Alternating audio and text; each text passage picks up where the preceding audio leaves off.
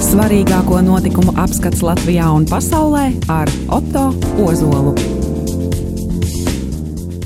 Labdien, cienījamie radiokamā arī klausītāji! Studijā publicists, rakstnieks un politisko notikumu apskatnieks es Otto Ozols. Šajā ziņā pusstundā apskatīšu aizvadītā mēneša svarīgākos notikumus Latvijā un pasaulē. Jāsaka, pēdējā laikā ārkārtīgi nopietni notikumi bijuši ļoti daudz. Mēs dzīvojam, tā varētu teikt, ļoti intensīvā laikā. Latvijā ir izsludināta pārējai uz izglītību vienā valsts valodā, proti, tā mums ir latviešu valoda. Tā ir ļoti būtiska reforma, kas varētu izšķiroši ietekmēt nākotnes sabiedrību Latvijā. Tomēr vai patiešām notikusi pilnīgi pārējai uz izglītību vienā valodā? Tas būs viens no mūsu šodienas tematiem. Tikmēr uztraucoša situācija turpinājusies banku sektorā Latvijā. Vai mēs varam runāt par visaptvarošu krīzi, vai arī tā tomēr pamazām stabilizējās un veiktas nepieciešamās reformas. Tikmēr mūsu valdība turpina strādāt ar remigrācijas plāniem, bet mēdījos parādās savāda un, varētu teikt, negaidīta kritika. Tika uzzinājumi arī, ka ar katru gadu samazinās naudas apjoms, kur uz Latviju pārsūta ārzemēs dzīvojušie latvieši. Kāpēc tā? To arī apskatīsim. Pagājušajā nedēļā Baltijas valsts prezidents viesojās Amerikas Savienotajās valstīs oficiāli vizītē, un tur viņi tikās ar viņu prezidentu Donaldu Trumpu. Vizīte tiek rakstīta kā ļoti svarīga, bet neiztika arī bez pārpratumiem. Latvijas vārdu piesaukšana lielākajos ASV medijos.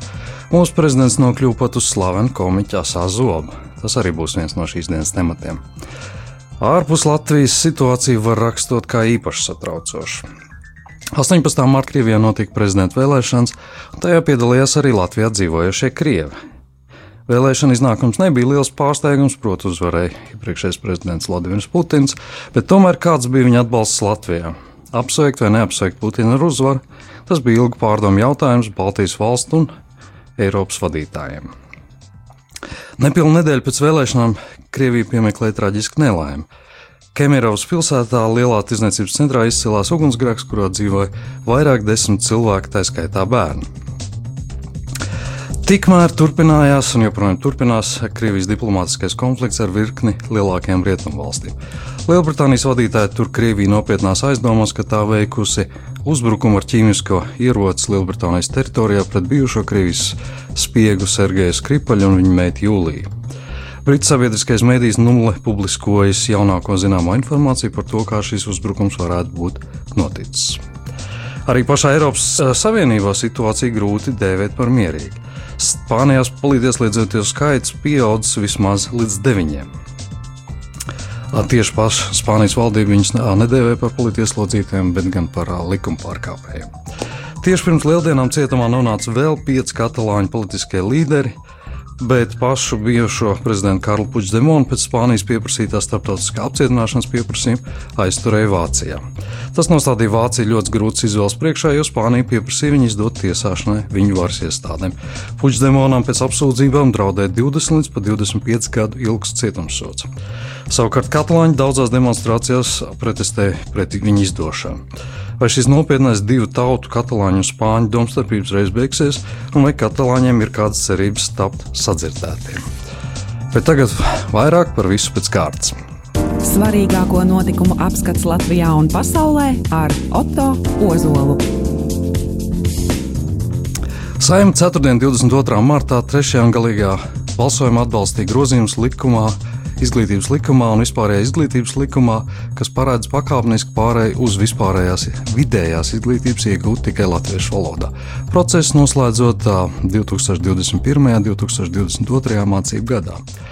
Izglītības un zinātnes ministrs no partijas vienotība Kārlis Šadursks uzsver, ka ceturtdiena ir diena, uz kuru iet gadiem.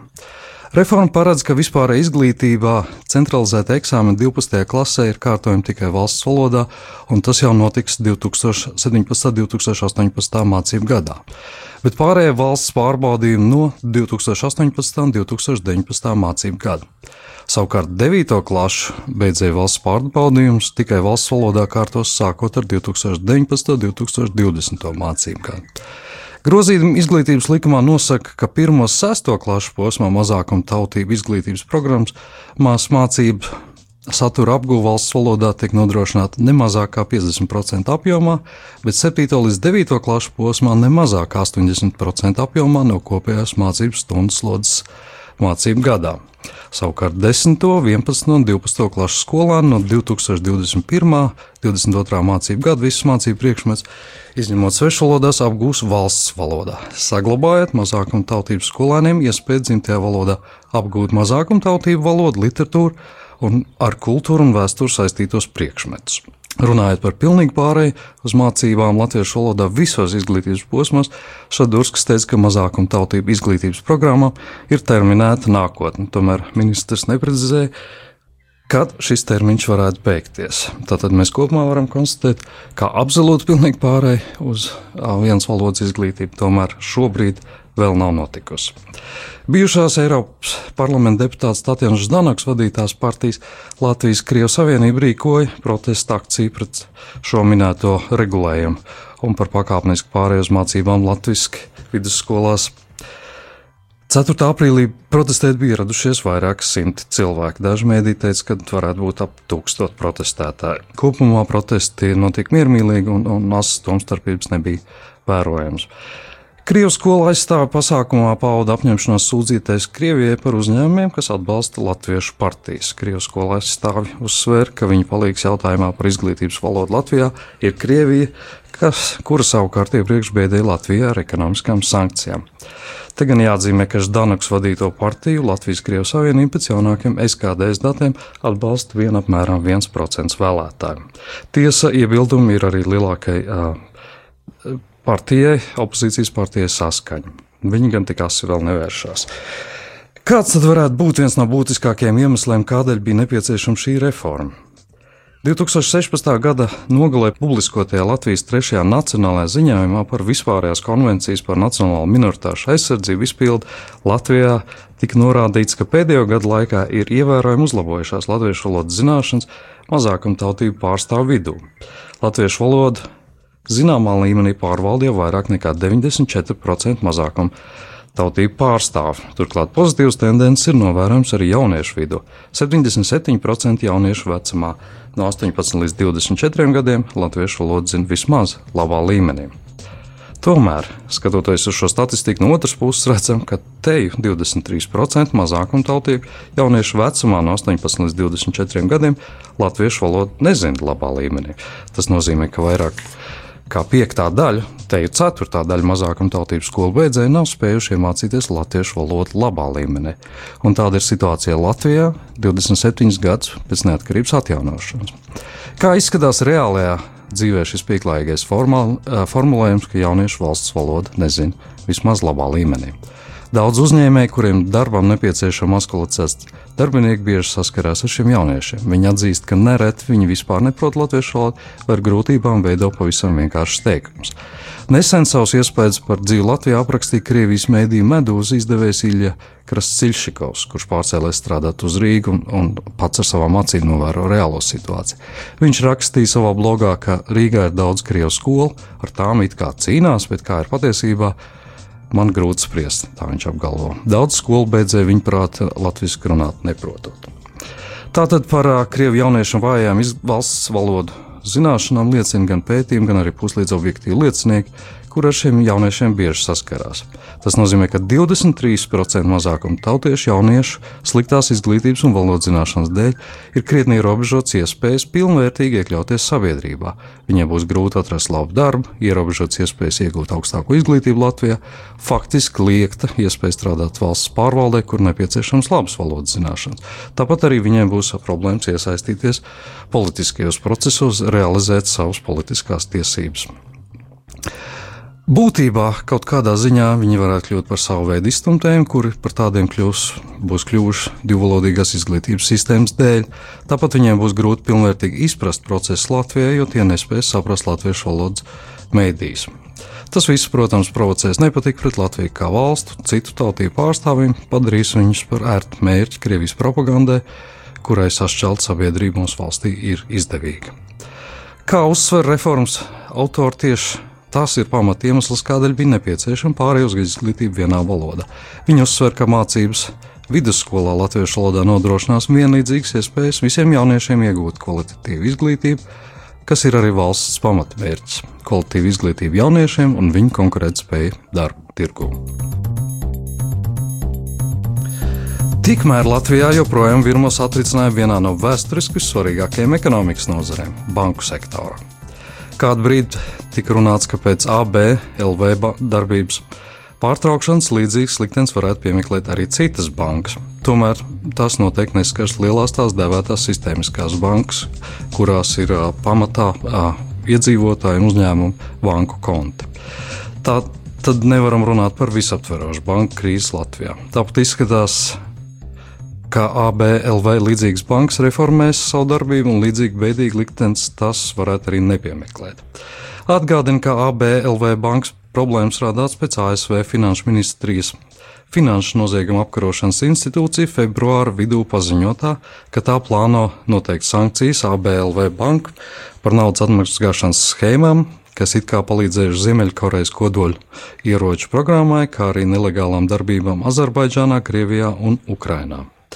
Amerikāņu iestādes publiskotie ziņojumi atteikts, ka ABL bankas vadība līdz 2017. gadam izmantojas kukuļdošanu, lai ietekmētu amatpersonas Latvijā, cenšoties no novērst pret to vērstās tiesiskās darbības un mazināt draudus savām augstarīgas darbībām.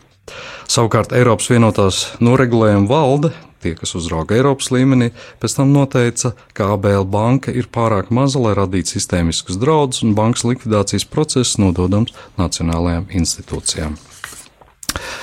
Pavisam nesen tās pašas iestādes augsts ASV amatpersonas apmeklēja Latviju un tikās ar tiesību sargājušo iestāžu vadītājiem.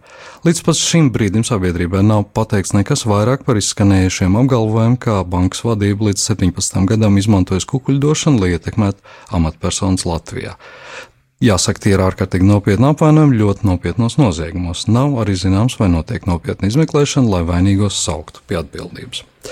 Notikušas gan citas pārmaiņas. Latvijas finanšu sektors ir vienojies pamatīgi ierobežot sadarbību ar tā dēvētajām čaulas kompānijām. Finanšu sektora attīstības padomu jau 21. martā vienojās bankām aizliegt sadarbību ar tā dēvētajām čaulas kompānijām. Aprīlī aizliegumu plānu apstiprināt saimā. Tādējādi jau no 1. māja bankām būtu aizliegts iesaistīties darījumos ar čaulas kompānijām. Starp Latvijas banku klientiem 26,000 ir čaulas kompānijas, tostarp divas kompānijas ir ar Latvijas izcelsmi. Kas tad ir tās minētās čaulas kompānijas, kā skaidro Latvijas sabiedriskais medijs LSM? Čaulas kompānijas ir uzņēmumi, kuros kontos ir liels naudas apgrozījums, bet nav skaidrs, ar ko uzņēmums nodarbojās un kā nopelnīs naudu. Tiem nav praktiskas saimniecības darbības, nav pieejama finanšu pārskata un nav fiziskas darbības vietas. Ir tikai paskastīti, vai saziņas adresi. Tieši šādas kompānijas nereti tiek izmantotas garās, grūti izskaidrojamās ķēdēs, lai slēptu finanšu pēdas. Tātad tieši caur šādām kompānijām dažādas noziedzīgas organizācijas vai režīmi mēdz legalizēt savu netīro naudu. Nulle ministru prezidents Mārs Kučinskis nesen kādā intervijā norādīja, ka vēl pirms dažiem gadiem Čāles kompānija īpatsvars Latvijas bankās bija aptuveni 60%. Šogad pēc ABLV bankas problēmām un lēmumu pašlikvidēties valdības, valdības sāk spriest par šo kompāniju aizliegumu, kā jūs minējāt, un to īpatsvars ir jau aptuveni palicis tikai 40%, bet pēdējie dati liecina, ka drīzumā tas būtu varētu jau zem 30%. Tas nozīmē, ka apšaubāmo tā dēvēto čāles kompāniju naudas aprit Latvijas finanšu sistēmā pāris gadu laikā ir samazinājusies gandrīz divkārtīgi. Tas joprojām ir vairāk nekā, piemēram, Igaunijā un Lietuvā. Gan jāsaka, ka valstu, kaimiņu valstu ekonomika spēja stabili attīstīties arī bez šādām neskaidras naudas plūsmām. Svarīgāko notikumu apskats Latvijā un pasaulē ar Otto Ozolu. Bet runājot par kādu citu naudas plūsmu, nulle uzzinājām, ka pēdējo gadu laikā samazinājusies cits naudas plūšana uz Latviju. Tieši šodien ziņu portāls Delfī publiskoja ziņu, kā ārvalstīs strādājušie Latvijas pilsoņu naudas sūtījumi uz Latviju no gada uz gadu rūk. Delfī raksta, ka ārvalstīs strādājušo Latvijas valsts piedrīgo naudas sūtījumu uz dzimteni patstāvīgi aug līdz 2014. gadam, kad sasniedz pīķi un sāk samazināties. Tā liecina Latvijas bankas aprēķini. 2014. gadā ārvalstīs strādājušie maksājumi uz Latviju sasniedz rekorda augstu rādītāju - 704 miljonus eiro. Kopš tā laika pārskaitījuma apjoms rūk. 2015. gadā uz Latviju nosūtīta 667 miljoni eiro, 2016. gadā 605 11 miljoni eiro, bet pērn tie bija tikai 570 miljoni eiro, liecina Latvijas bankas aprēķini. Tātad Burtiski trīs gadu laikā no 704 miljoniem eiro pārskaitītās naudas tas ir sarucis līdz 570 miljoniem. Lielāko īpatsvaru no kopējās mājas sūtītās summas veido maksājumi no Eiropas Savienības valstīm. Tomēr tieši šo sūtījumu apjoms pēdējos gados samazinās visstraujāk. Eiropas Latviešu apvienības vicepriekšsēde Elīna Pinto vērš uzmanību uz Eiropas Savienības statistikas biroja Eurostat datiem, kas liecina, Latvija ir pirmajā vietā Eiropas Savienībā pēc tā, cik liela loma diasporas pārskaitījumiem ir iekšzemes kopaproduktā. Proti, šie pārskaitījumi 2016. gadā veidoja 4,4% no valsts iekšprodukta. Tas ir vairāk nekā divkārt pārsniedz valsts aizsardzības budžetu, um, bet visas Latvijas veselības aprūpas budžets tikai 2020. gadā plāno sasniegt 4% no valsts iekšprodukta. Tā norādīja Eiropas Latviešu apvienības pārstāvja. Viens no iemesliem, kāpēc rūkā ārvalstīs mītošā maksājuma uz dzimteni varētu būt tas, ka jauno aizbraucēju skaits mazinās, bet pirms ilgāka laika aizbraukušiem pamazām zūd saites ar Latviju. Turklāt Latvijā algas un darba vietas skaits aug, tāpēc emigranti jūt mazāk pienākumu palīdzēt radiem dzimtenē. Tā pieļauj Lunāra bankas ekonomists Pēters Strautiņš. Eiropas Latviešu apvienības vicepriekšsēde Elīna Pinto vēl norāda, ka notiek ģimeņa apvienošanās. Aizbraukušās ģimenes pie sevis uz ārzemēm aicina pensijas vecuma radinieks. Līdz ar to Latvijas patēriņam zūd ne tikai nauda, kas pārskaitījuma ceļā ienāca no radiem valstīs, bet senioru tērēšanai ārvalstīs izvērt arī Latvijas pensijas. Aizbraucot vecākiem, krītās izredzes arī, ka viņu bērnu mazbērnu uzturēs saikni ar Latviju un kādreiz atgriezīsies. Pēc Latvijas ārlietu ministrijas aplēsēm Latvijā dzīvo, mācās un strādā vairāk nekā 370 tūkstoši Latvijas diasporas pārstāvju. Lielākās latviešu kopienas dzīvo ASV, Lielbritānijā, Vācijā, Īrijā, Kanādā, Austrālijā, Krievijā, Norvēģijā. Te gan jāsaka, ka skaitlis 370 tūkstoši ir jāsaka apšaubāms, jo pēc neseniem aplēsēm tika skaidrots, ka tikai Amerikas Savienotajās valstīs vien dzīvo simt, aptuveni 100 tūkstoši cilvēku saistīti, kas ir ar Latviju. Tātad, ja mēs šo 100 tūkstošu atņemam no 370 tūkstošiem, paliek tikai 270 tūkstoši. Citi novērotāji saka, ka aizbraukušo skaits ir krietni vairāk par 200 tūkstošiem. Eiropas Latviešu apvienības ieskatā ārpus Latvijas pastāv piektais Latvijas novads arī ekonomiskā izpratnē, un no valsts un pašvaldību puses būtu vērts aktīvāk strādāt, strateģiskāk un mērķtiecīgāk, lai šo potenciālu vairāk piesaistītu Latvijas izaugsmē. Te gan jāatzīmē, ka valdība tieši šiem mērķiem ir izveidojusi jaunu pilotu programmu reemigrācijas veicināšanai. Projektā paredzēts izveidot 15 reģionālo remigrantu konsultantu posteņus. Iecerēts, ka tiklīdz kāds ārzemēs dzīvojušais izteiks vēlmi atgriezties Latvijā, konsultants pieteiks bērndārs, vietas skolā, sameklēs vairākus variantus mājokļu īrēšanai, piedāvās sarakstu ar darba vietām vai skaidros iespējas pašam sākt uzņēmējdarbību. Neoficiāli šos cilvēkus varētu dēvēt par mājās saucējiem. Tiesa šī ideja saskārusies ar ASLNT top 10 ziņu raidījumu kritiku. Tajā tiek plaši kritizēts, it kā pārāk lielais budžets, nepilni pusmiljonu eiro apmērā. Kaut gan rūpīgāk izvērtēt tās reālās izmaksas, grūti konstatēt kaut kādas pārmērības vai neskaidrības tēriņos. Nav saprotama šī LNT top 10 ziņu raidījuma pašmērķīgā kritika tik būtiskai un nopietnai iniciatīvai. Tikmēr pagājušajā nedēļā, kā jau minēja Latvijas prezidents Raimons Vējons ar savām, savām Igaunijas un Lietuvas kolēģiem, viņu prezidentiem viesojas Amerikas Savienotajās valstīs, kur notika trīs Baltijas valstu un ASV prezidenta samits. Latvijas ārpolitika institūts direktors Andris Sprūts norādīja, ka kopumā šī vizīte ir ļoti svarīga, jo tā bija ne tikai simboliska, bet arī simboliski strateģiska nozīme. Vienlaikus gan tas pats sprūts atgādināja, ka vizītes pieder pie diplomātiskās rutīnas un nevajagot arī pārvērtēt. Mūsu prezidents Vējons savā paziņojumā norādīja, ka Baltijas valsts ir saņēmušas apliecinājumu par ASV militārās klātbūtnes reģionā saglabāšanu un ASV gatavību turpināt atbalstīt Baltijas valstu aizsardzības spēju stiprināšanu.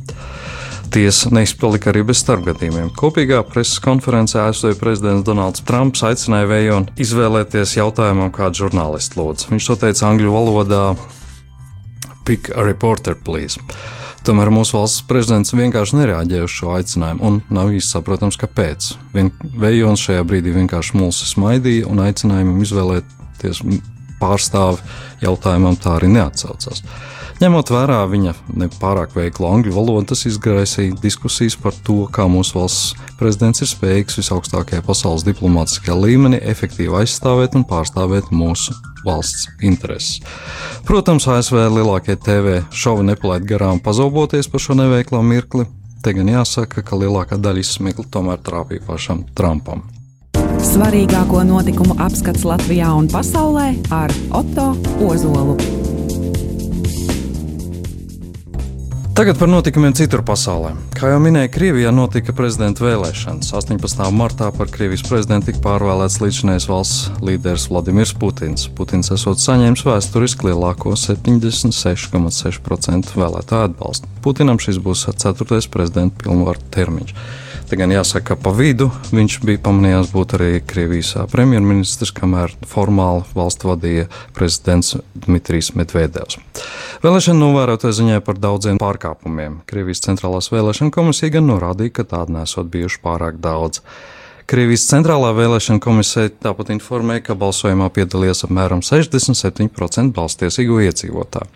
Otro vietais Putinu ar lielu atrāvienu ieņēma komunistu kandidāts Pāvils Grudīņins ar 12% balsu. Savukārt trešajā vietā liberāla demokrātiskās partijas ilgadējais līderis Vladimirs Širnovskis ar vairāk nekā 5,5% balsīm. Savukārt liberālāk noskaņotajiem partijas pilsoniskā iniciatīva pārstāvēja Ksenijai Sobčakai un Jablaka līderim Grigorijam Jablinskam atbalstu pauda apmēram 1,5 un 1% atbalstītāji. Jāsaka, ka lielākajam opozicionāram, vismaz skaļākajam un redzamākajam oponentam Putina Navaļņiem bija liekts piedalīties vēlēšanās vispār. Vēlēšanās varēja piedalīties arī Latvijā dzīvojošie Krievijas pilsoņi. Rezultāti liecina, ka starp Latvijā balsošiem Atbalsts līdzinējiem valsts vadītājiem Vladimiram Putinam bijis ievērojami lielāks nekā pašā Krievijā un vēlēšanās kopumā. Kopumā Latvijā par Putinu nobalsoja 94,88% Krievijas pilsoņu.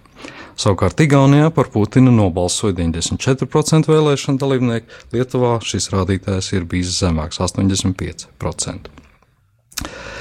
Citur pasaulē par šīm vēlēšanām viedokļi dalījās. Putina ar uzvaru apsveic ASV prezidents Donalds Trumps, Eiropas komisijas prezidents Žans Klods Junkers, Igaunijas un arī Latvijas prezidents. Savukārt Lietuvas prezidenta Daļa Grybauskaita un Eiropas padomus prezidents Donalds Tusks atteicās viņu aps apsveikt.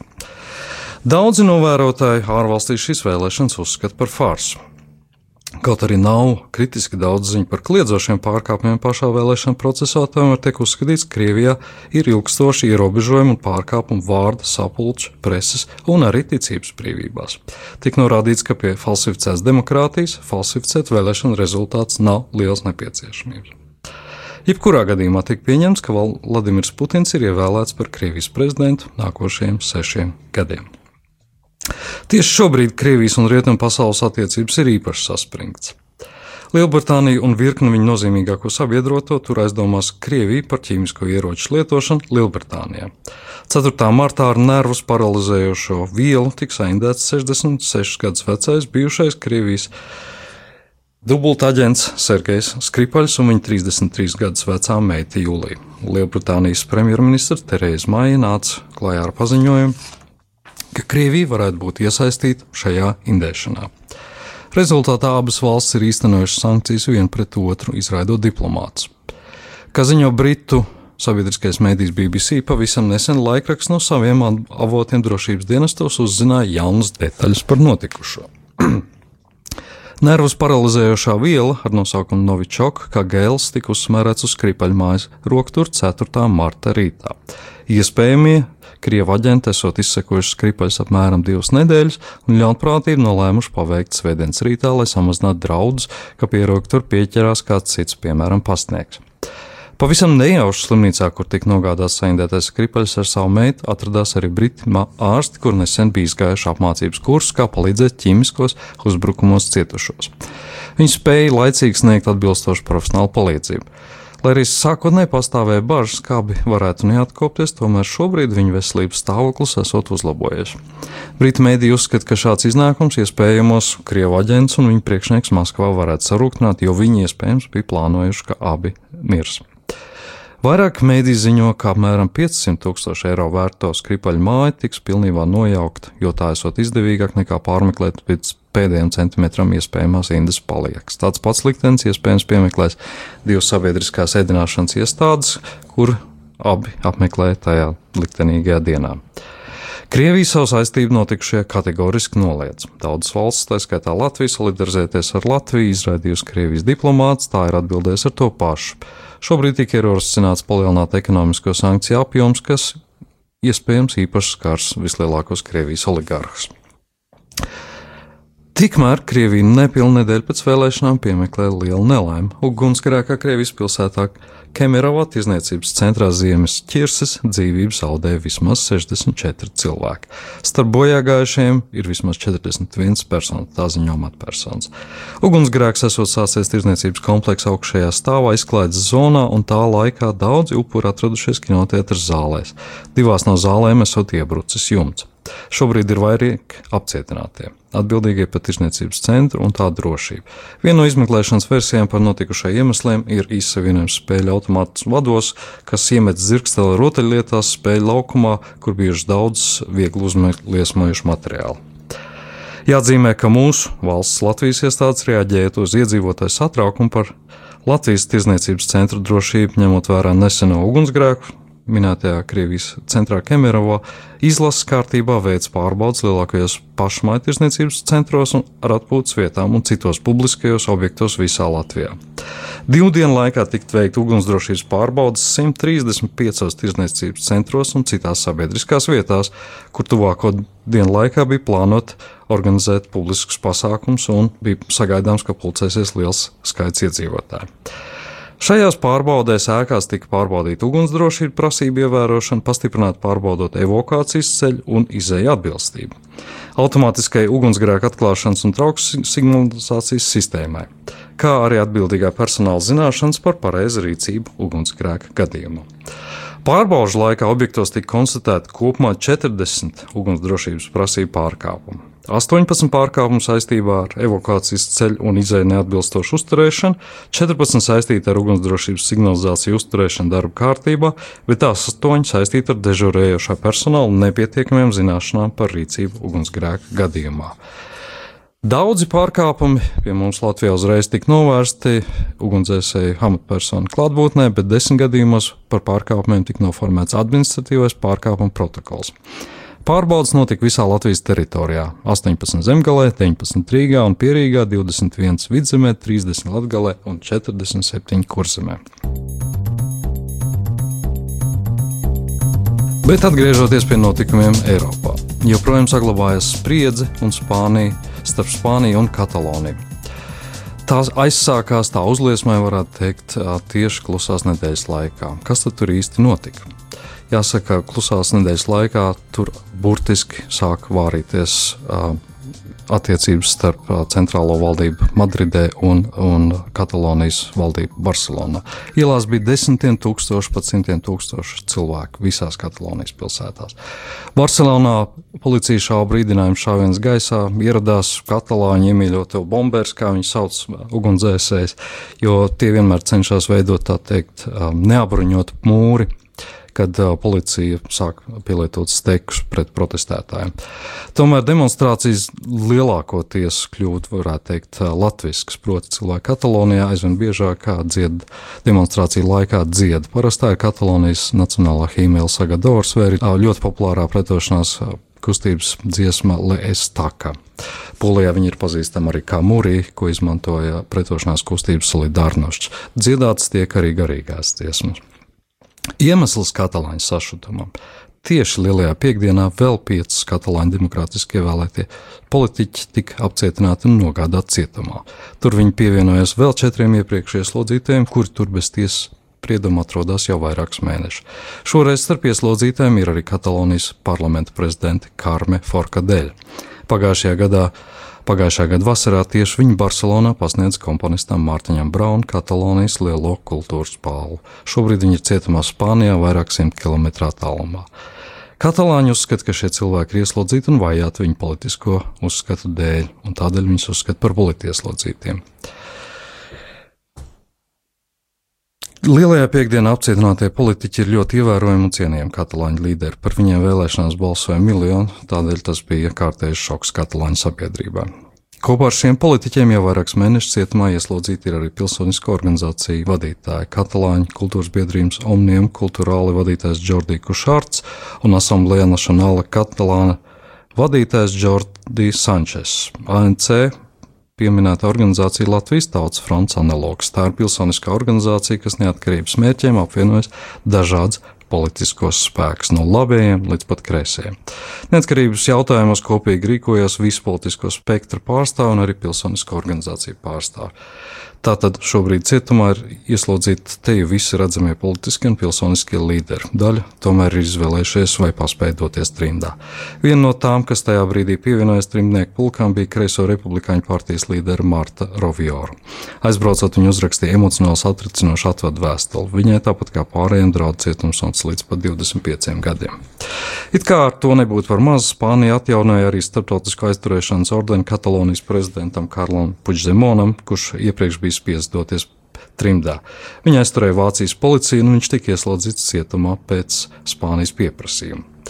Pēc nedēļas gan viņš tika atbrīvots, jo Vācijas tiesa konstatēja, ka saskaņā ar Vācijas likumiem viņu nevar apsūdzēt vardarbīgi dumpī jo nav nekādu pierādījumu šādiem apvainojumiem. Viņš tika atbrīvots, iemaksāja drošības naudu, jo tiesai vēl jātiek skaidrībā, cik pamatot ir apvainojumi otrā pārkāpumā. Sabiedrisko līdzekļu izšķērdēšana, organizēt neatkarības referendumu. Te gan jāsaka, ka, ka šis stāsts ir. Nav tikai beidzamo gadu domstarpību uzliesmojums. Īstenībā katalāņu un spāņu pretstāv pastāv jau ļoti ilgstoši, un jāsaka, ka ticīgajiem arī ir bijusi liela loma aizstāvot katalāņu tautas intereses. Viens no lielākajiem katalāņu valodas un kultūras patriotiem ir slavenais arhitekts slavenās katedrālas Sagrada Familija arhitekts Antonija Gaudī. 929. gadā viņš piedalījās kādā demonstrācijā aizstāvot tiesības runāt katalāņu valodā, par ko policija toreiz sirmgālu piekāva un iemet cietumā. Tāpat arī katalāņi ļoti augstu vērtē Montserrata klostera ieguldījumu katalāņu kultūras nosargāšanā, jo skarbajos Franko režīmu laikos vienu brīdi katalāņu valoda bija pilnībā aizliegta visā Katalonijas teritorijā.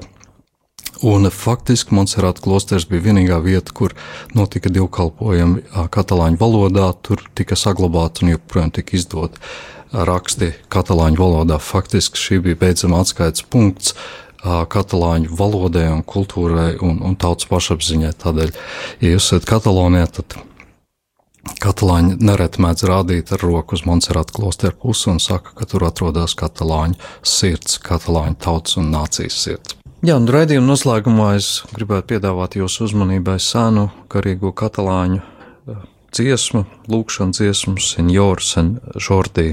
Ja vārdus tulkot, tad tā ir, eh, tas ir aicinājums, tā ir izdziedāta lūkšana, risināt konfliktus eh, miermīlīgā, draudzīgā ceļā, ieklausoties vienam otram, paļaujoties uz ticību. Tātad šo dziesmu viņi dzied šobrīd arī bieži demonstrācijās, atbalstot savus cilvēkus, Ar šo dziesmu arī es pats pieredzēju, ka Briselē braucot sabiedriskajā transportā, koris kopīgi šo dziesmu dziedājumu, pēc tam arī um, paužot savu, savu sāpi Briselē pie Eiropas parlamenta, arī atkārtoja dziedāja, visi, visi kopīgi dziedāja. Tā garīgā mūzika viņiem ir tuva un ļoti pazīstama. Tātad jūsu uzmanībai katalāņu lūkšanu senjoru Sent Čortī.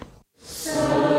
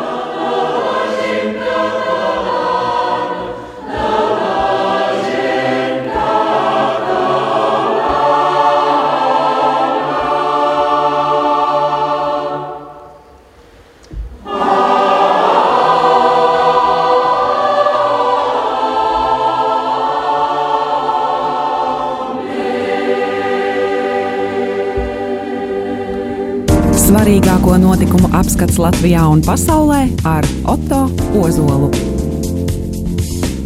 Studijā ar jums šajā ziņu pusstundā bija rakstnieks, publicists, politisko notikumu apskatnieks Otto Ozols. Jā, tie bija manā skatījumā svarīgākie mēneša notikumi pasaulē un Latvijā.